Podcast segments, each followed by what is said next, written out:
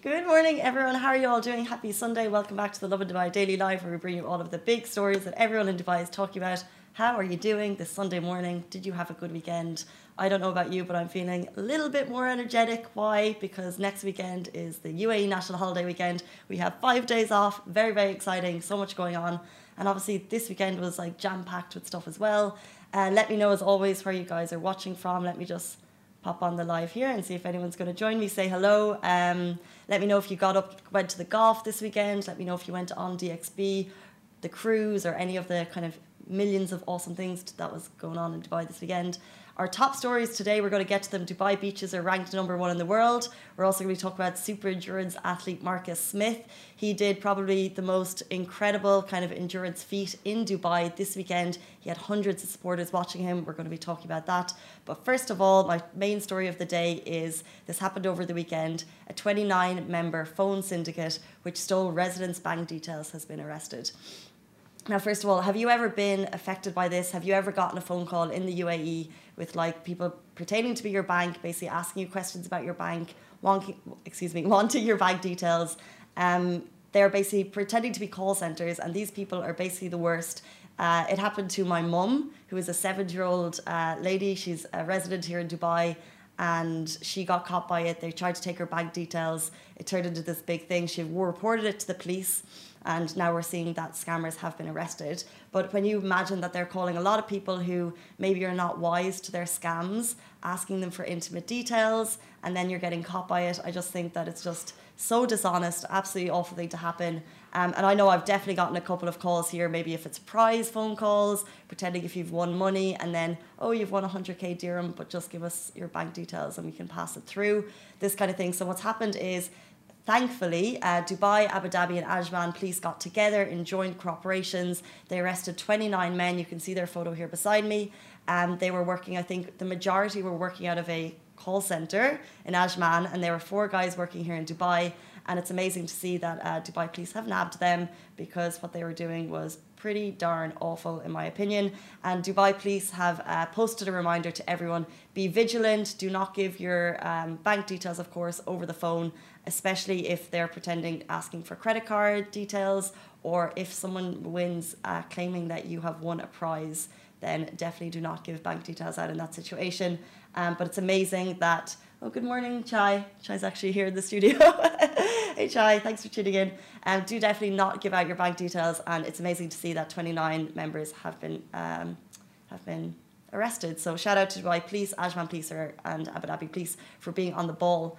Um, moving on to our second story, this is incredible. Super endurance athlete Marcus Smith ran for 24 hours straight this weekend out at Sports City. Um, if you know Marcus Smith, he is uh, he runs Inner Fight Gym. He is well known on the fitness circuit here in Dubai. Last year, he ran uh, 30 marathons in 30 days uh, for Dubai Fitness Challenge, and this was at the end of Dubai Fitness Challenge this year. He showed us that we do not need to stop going, and he gave us incredible motivation. I think he started around 2 or 3 p.m. on Thursday.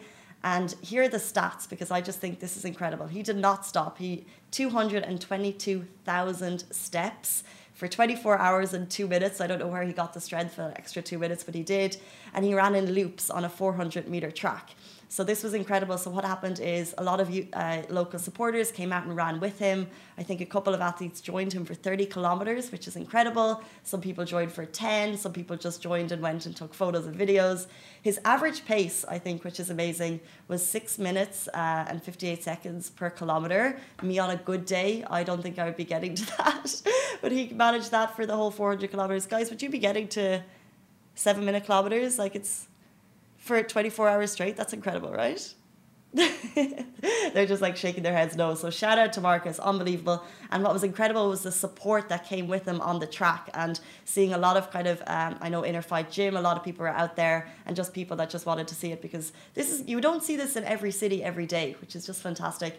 And the last stat I'm going to drop on you right now is he burned 16,000 calories in that 24 hours. I don't know how he did it. I know he had like food, and there was a lot of food packs with him. He had a lot of energy bars, but it's a lot of calories and unbelievable. So shout out to Marcus. It was amazing, amazing to see that. And our final story of the day Dubai beaches have been ranked the number one in the world. We have a photo of, I think it's uh, down in JBR beside me. And I want to talk to you guys about this story because we posted it up and I know a lot of publishers covered it. This is a city beach break index. So we're talking about city beaches here. And a lot of people said, oh, what about the Philippines? What about Australia? What about Ireland? That's what I was thinking. But when you kind of check uh, how they ranked it, you'll then see why Dubai made it to the number one spot. So they looked at um, blue flag status. We have a lot of blue flag status beaches, which means they're very, very clean. They're top standard quality clean. They also looked at the nearby attractions. Dubai filled with attractions. They looked at average rainfall, and I know we've had a bit of rain this week, but in comparison to other cities, our rainfall is very, very low across the year. So that's another reason why we ranked highly. Um, average hours of sunshine, it's getting a little bit darker, but in general, we have a lot more sunshine than any other city. It looked at Instagram posts, which I mean is kind of these in this day and age. It's uh, it's a marker to show how many people are visiting the beaches. So number of Instagram hashtags shows that people want to visit it. And also they looked at safety and we know very well if you live in the city that we are very lucky we can leave our handbags on the beach, run in for a swim. I'm not telling you to do that, I'm not suggesting it, but I know that you can get away with it. Um, while in other cities, it's just like not even a no go option. If you're in other cities, you have to tag team for a swim. You just don't have to do that here. Um, so that is why Dubai is the number one ranked city beach in the world, followed by Lisbon, um, beautiful beach, followed by Barcelona, Tokyo, and Dubrovnik. But Dubai is number one. Those are our top stories of the week, guys. We'll be back in the morning, same time, same place, with more top stories. Bye. That is a wrap for the Lovin Dubai Daily Live. Remember, we are back with you same time, same place every morning. Do not forget, we also have Dubai Works Business Podcast where Rich sits down with the business people of Dubai so you can get more information about that. And of course, the Lovin Weekly Show where Shireen and I chat to influencers and get to know a little bit more about them. Bye.